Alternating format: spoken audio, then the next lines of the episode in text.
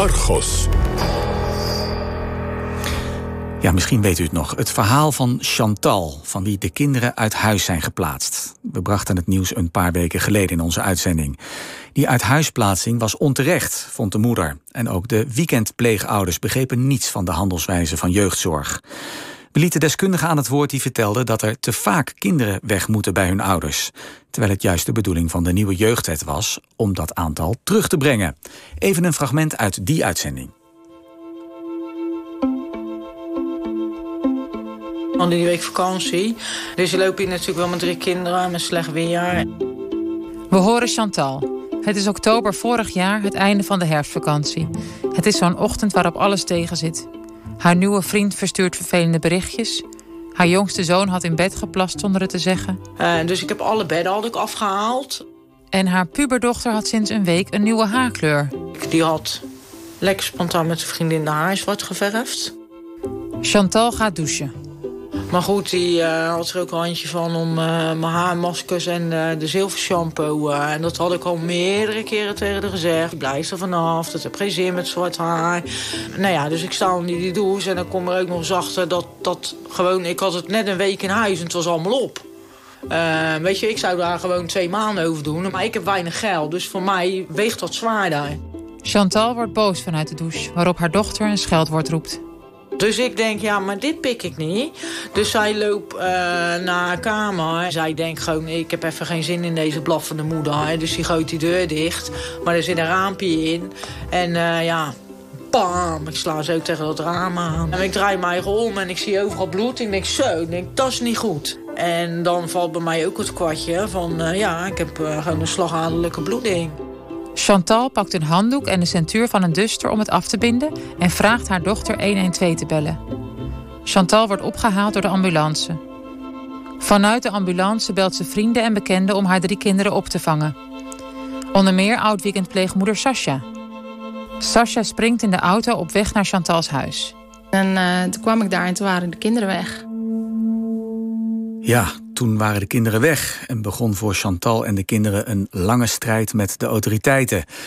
Judith, Argos-redacteur Judith Konijn, welkom. Hoi, dank je. Jij maakte met collega Barbara Schreuders deze uitzending over Chantal. Dat is niet haar echte naam, hè? Chantal. Nee, inderdaad. Vanwege privacy uh, hebben we dat, hebben haar een andere naam gegeven. En, en weet je hoe het nu met haar gaat en haar gezin? Zijn er nieuwe ontwikkelingen? Jazeker. Ja, ik heb heel veel contact met haar nog. Er gebeurt ontzettend veel.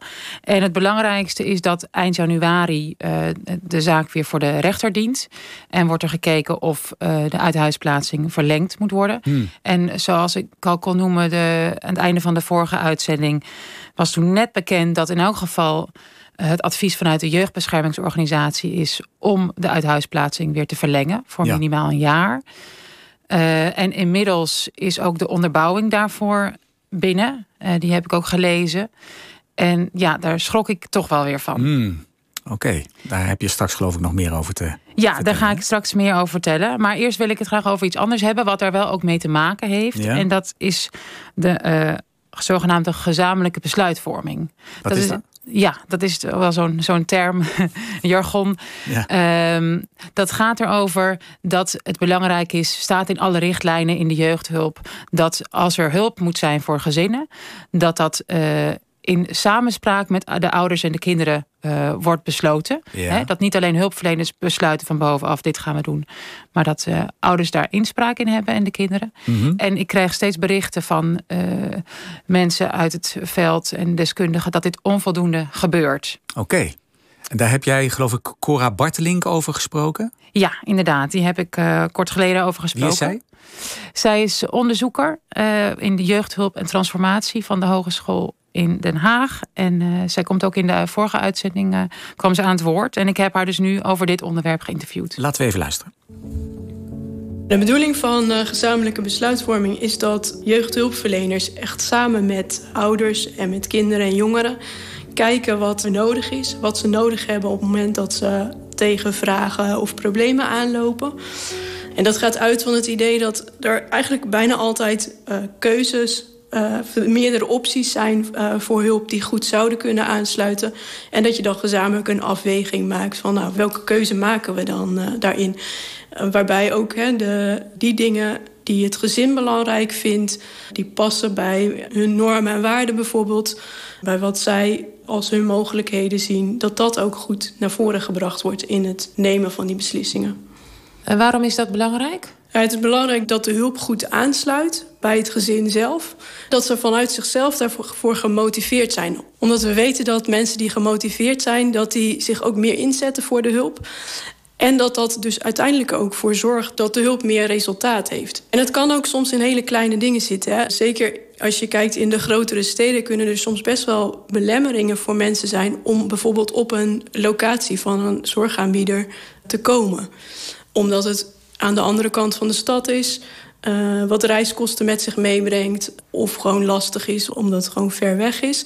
En het is goed om de, als, als gezinnen daarover mee kunnen denken. Maar in de praktijk lijkt dit onvoldoende te gebeuren.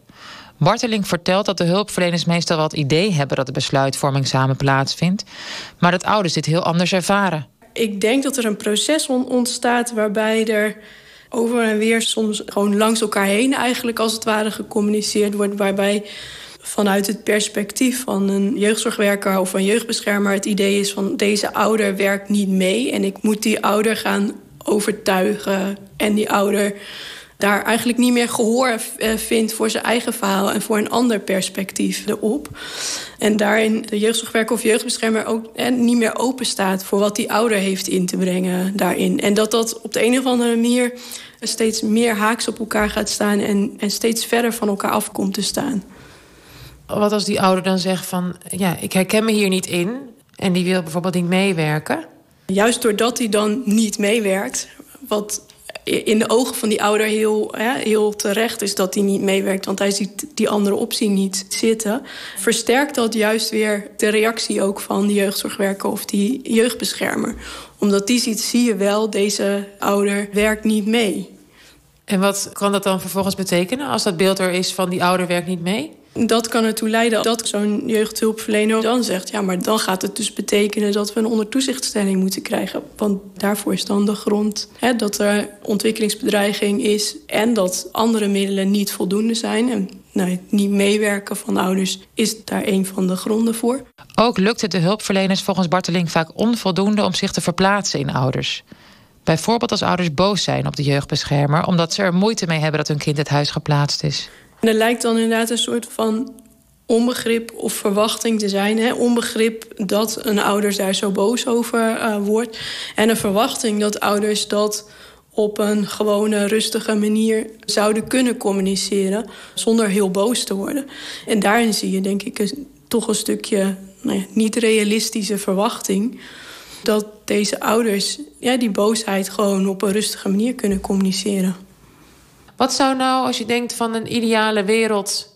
hoe zou je wensen dat het zou gaan? Als ik daarover zou nadenken, dan kom ik er toch echt op uit... dat je die gezamenlijke besluitvorming goed moet vormgeven. Dat je hulpverleners echt de gesprekstechnieken in handen moet geven... waarmee ze weten hoe ze goed kunnen aansluiten. Waarbij ze ook weten hoe ze het positieve bij mensen naar boven kunnen halen. Waarbij ze daarmee ook juist motivatie weten aan te boren. Waardoor ze gaan zien, hé, dit zijn mensen die het goede willen voor hun gezin. En dat er dan soms toch meer mogelijk En ik denk dat er dan soms meer mogelijk is dan dat we denken, ja. Ja, wat deze onderzoeker zegt, uh, Judith, uh, Cora Barteling, die heeft het dus over miscommunicatie. Hè? Dus tussen enerzijds de ouders en, uh, en de kinderen en aan de andere kant de hulpverleners. Dat speelde eigenlijk ook in de casus die jij hebt, jullie hebt, hebben onderzocht, toch? Met, met Chantal. Ja, zeker. Ja, op, ik heb uh, tal van voorbeelden hierover. Uh, uh, en belangrijker natuurlijk is de hulpvraag die zij had. Die was vrij concreet, net kort voor de uithuisplaatsing of een poosje daarvoor. Mm zij wilde echt hulp aan huis en hulp met haar puberende dochter. Maar aan die, die vraag werd niet beantwoord. Maar ook dat praktische speelde bij haar. Bijvoorbeeld, zij moest therapie gaan volgen voor haar drugsgebruik. Um, en emotieregulatie. Uh, maar die therapie die was zo gepland op anderhalf uur reizen van haar huis met twee bussen om kwart over negen ochtends. En dat is precies ook het moment dat zij natuurlijk in de ochtend bezig is met haar drie kinderen om die op tijd naar school te krijgen en te brengen. En dat kan nogal uh, wat problemen geven, weet ik uit ervaring. Ja, zeker. en um, Uh, ja, en zij heeft natuurlijk ook niet het geld om een oppas zomaar te regelen altijd. Dus, dat, dus, ze, dus zij ging daar niet naartoe? Zij ging, ze heeft het een aantal keer geprobeerd, maar dat leek logistiek, gewoon, bleek logistiek gewoon heel moeilijk haalbaar. Maar nu staat wel in alle rapporten van uh, moeder heeft voortijdig de therapie afgebroken. En dat is hoe het dan steeds wordt uitgelegd. En dan lijkt het alsof zij niet wilde meewerken, terwijl zij dat wel graag wilde. Oké, dat loopt dus niet zo eh, lekker. En de afspraken die worden gemaakt met de kinderen of bij de kinderen, hoe gaat dat? Ja, daar wordt ook onvoldoende naar geluisterd. Dat zegt althans uh, Cora Bartelink vertelde dat, maar ook uh, Margriet Kalverboer, de kinderombudsman. Die, hebben we ook gesproken. Oké, gaan we even luisteren. Alle organisaties met wie je sprak, of het nu de Raad voor de Kinderbescherming was, of de kinderrechter, of de advocaat, of, of de voogd, iedereen zei: We hebben het kind voorgelicht. En dan vroeg je het aan het kind, en dan zei het kind: Niemand heeft mij iets verteld. En daar ligt meteen al een heel groot iets wat ik nog steeds van kinderen terughoor. En ook van ouders trouwens. Als je het hebt over de communicatie, vaak gebeurt het met mensen zoveel dat formeel wordt er wel aan dat soort eisen voldaan. Maar kinderen pikken het niet op, ouders pikken het niet op. Bij het zoeken naar de juiste hulp is vooral één ding belangrijk: vragen. Vraag ouders en vraag kinderen. Want wat ik ook heel vaak en van ouders hoor, maar vooral omdat ik heel veel met kinderen praat, van kinderen hoor, dat ze zeggen van ja, zo heeft er nog nooit iemand met mij gesproken. We hebben het altijd meteen over wat is het behandelplan, wat is het behandeldoen, waar moet je aan werken. Maar die hele gewone dingen van hoe ziet jouw leven eruit en wat heb jij nou nodig om nou, bijvoorbeeld voor een kind, om je hier fijn te voelen. Of om je school goed te doen. Of om je vriendschappen te onderhouden. Wat heb jij daar nou voor nodig? En hoe denk jij of hoe denken jullie dat te realiseren? En ja, dat, dat gebeurt naar mijn idee te weinig. Voor het organiseren van de juiste hulp aan gezinnen is het dus belangrijk om goed te kijken wat een gezin nodig heeft. Kalverboer vertelt over een onderzoeksproject dat alweer jaren geleden is gedaan in Oost-Groningen. Kansarme gezinnen werden geholpen door thuiszorgmedewerkers. Die kwamen in de ochtend helpen met het aankleden van de kinderen en het smeren van boterhammen om de kinderen op tijd op school te krijgen. Dat bleek veel ondersteuning te geven en was ook nog eens relatief goedkoop. En dat was toen heel controversieel. Maar zorg nou voor dat er iemand is die ondersteunt met het eten koken. Of met die wekker zetten. Want dat kan voor sommige gezinnen al genoeg zijn om hun kind thuis te kunnen houden. Maar accepteer ook dat er bij bepaalde gezinnen, misschien wel levenslange, of tot het kind volwassen is, hulp is. Dat je dus misschien wel drie, vier keer per week daar moet zijn. En in die, dat voorwaarden scheppen voor thuiswonen ja, daar doen we niet genoeg in. En op het moment dat er een voogd in huis komt, nou dan weet je eigenlijk al, dit gaat niet beter worden, want het kind ziet de voogd nooit, het gezin ziet de voogd nooit. En het ligt niet aan de kwaliteiten van die voogden, maar het ligt aan die hele organisatie, de administratie. Uh, dat, is, dat is inderdaad de frustratie die hoort bij de mensen op de werkvloer. Die zeggen, ja, ik ben meer tijd kwijt aan het opschrijven wat ik allemaal gedaan heb en moet doen, dan aan het werkelijk zijn met, met de mensen. Wat ik van kinderen hoor, is dat ze zeggen van... Ja, ik zou gewoon graag eens leuke dingen doen met mijn voogd. En, uh, gewoon een rondje lopen, ijsje eten, naar een film gaan. Dat is wat ze willen. En dan krijg je ook beter boven tafel wat er speelt. Aldus kinderombudsman Margriet Kalverboer. Ja, Judith, ja, we luisteren, luisteren naar de behoeften van een kind. Dat vind ik eigenlijk niet meer dan logisch. Waarom gaat het dan toch fout? Ja, nou ja, onder andere er staan ook gewoon heel vaak feitelijke onjuistheden in, in rapporten. als je onvoldoende luistert, onvoldoende kijkt, dan is dat risico groter. Hmm. En het is ook heel moeilijk om als die fouten eenmaal instaan, om die gecorrigeerd te krijgen. En die kunnen een gezin blijven achtervolgen. Daar sprak ik ook Cora Bartelink over. Ik denk ook ergens krijgt dan zo'n rapportage een bepaalde status en dan staat het er en dan is het waar. En waarbij ook dan, als zo'n ouder zegt dit is onterecht en die conclusie klopt niet, dat eigenlijk dan de opmerking van de ouder in twijfel getrokken wordt in plaats van dat de rapportage in twijfel getrokken wordt. Maar dan wordt de ouder eigenlijk onvoldoende serieus genomen, zou je kunnen zeggen. Ja, dat is eigenlijk wat je daar dan mee, uh, mee zegt. Ja. In hoeverre wordt een ouder serieus genomen in zijn of haar ideeën en standpunten door het hele proces heen? Ik denk dat niemand het openlijk zou toegeven. En dat ouders niet serieus genomen worden. Dat, dat maakt het zo, zo ingewikkeld. Maar het zit wel in dit soort dingen. Als een ouder zegt hè, dat iets niet klopt... of dat ergens een feitelijke onjuistheid in staat... en je haalt dat niet weg op dat moment... dan ga je er toch eigenlijk vanuit dat die rapportage meer kloppend is... dan wat die ouder zegt. Ja, dat is ook wel iets wat bij uh, de zaak van Chantal speelt. Die, er is net weer met verzoek tot verlenging van uithuisplaatsing en een gezinsplan. En zowel uit het verzoekschrift als het gezinsplan haal ik ook wel allemaal dingen waarvan ik dan denk: volgens mij klopt dit niet. Maar het staat er wel. En dat is wel wat de rechter uiteindelijk leest. En als je het zo leest, dan denk je van... nou, dat gaat inderdaad niet goed daar. Die moeder kan het niet. Terwijl in werkelijkheid je daar vraagtekens bij zou kunnen stellen. Ja, en dat, en dat is de ingewikkeldheid van beslissingen in dit soort situaties. Dat het ook heel erg gaat over waar leg je dan het zwaartepunt op. Zie je alles wat misgaat en zie je de incidenten.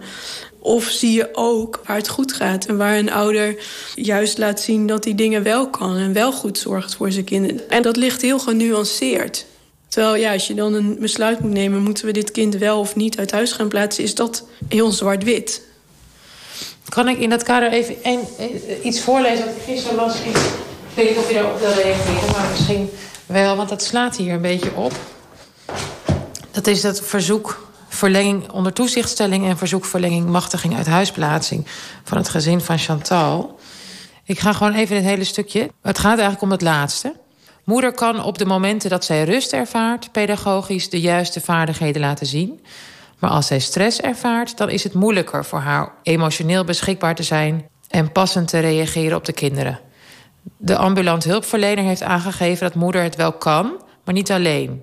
De jeugdbescherming heeft onvoldoende vertrouwen dat moeder iemand tijdig inschakelt op de momenten dat het moeder te veel wordt. Enerzijds omdat moeder het te laat herkent wanneer het niet goed gaat. En anderzijds omdat moeder onvoldoende steunend netwerk heeft. Nee, zonder, zonder hier per se op de inhoud te reageren... zijn er best wel een aantal vragen inderdaad hierbij te stellen. Maar met name dan op grond waarvan trekken ze nou deze conclusies.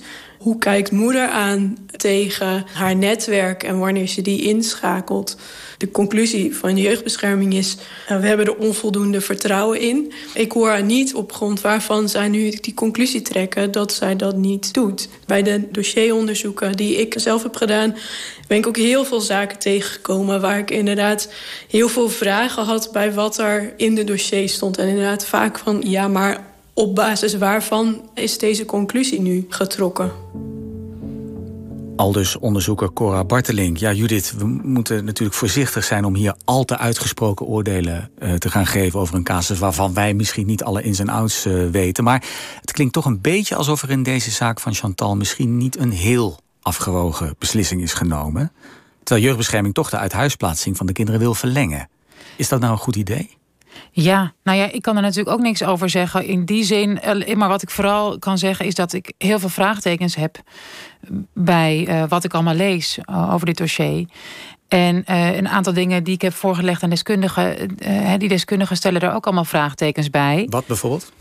Nou, één is bijvoorbeeld de zogenaamde emotionele beschikbaarheid. Dat is een van de twee doelen die gesteld is, die zij moest bereiken, mhm. Chantal. Mm -hmm. En uh, volgens dit verzoek verlenging uit huisplaatsing uh, is het haar niet gelukt om uh, emotioneel voldoende beschikbaar te zijn voor de kinderen. Mm -hmm. En dan kijk ik van waar is dat op gebaseerd? En dat is gebaseerd op de verslagen van de bezoekjes die de kinderen aan de moeder brachten. Daar was altijd een ambulante hulpverlener bij aanwezig. En Eigenlijk elke dag staat er eh, bezoek goed verlopen, bezoek goed verlopen.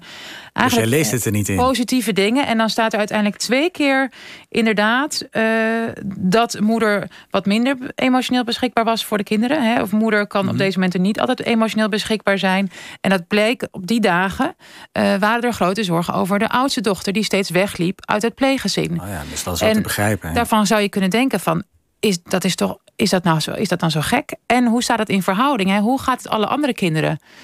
Uh, hoe gaat het alle andere keren dat zij uh, met de kinderen is? Als het dan wel goed, moet, goed staat, ja, wat ligt je uit? Hè? Waar focus je de, uh, op? Zijn dat de, wat, ja. We gaan kijken hoe het afloopt. In januari komt deze zaak dus voor de rechter. Ik neem aan dat je de zaak zult blijven volgen.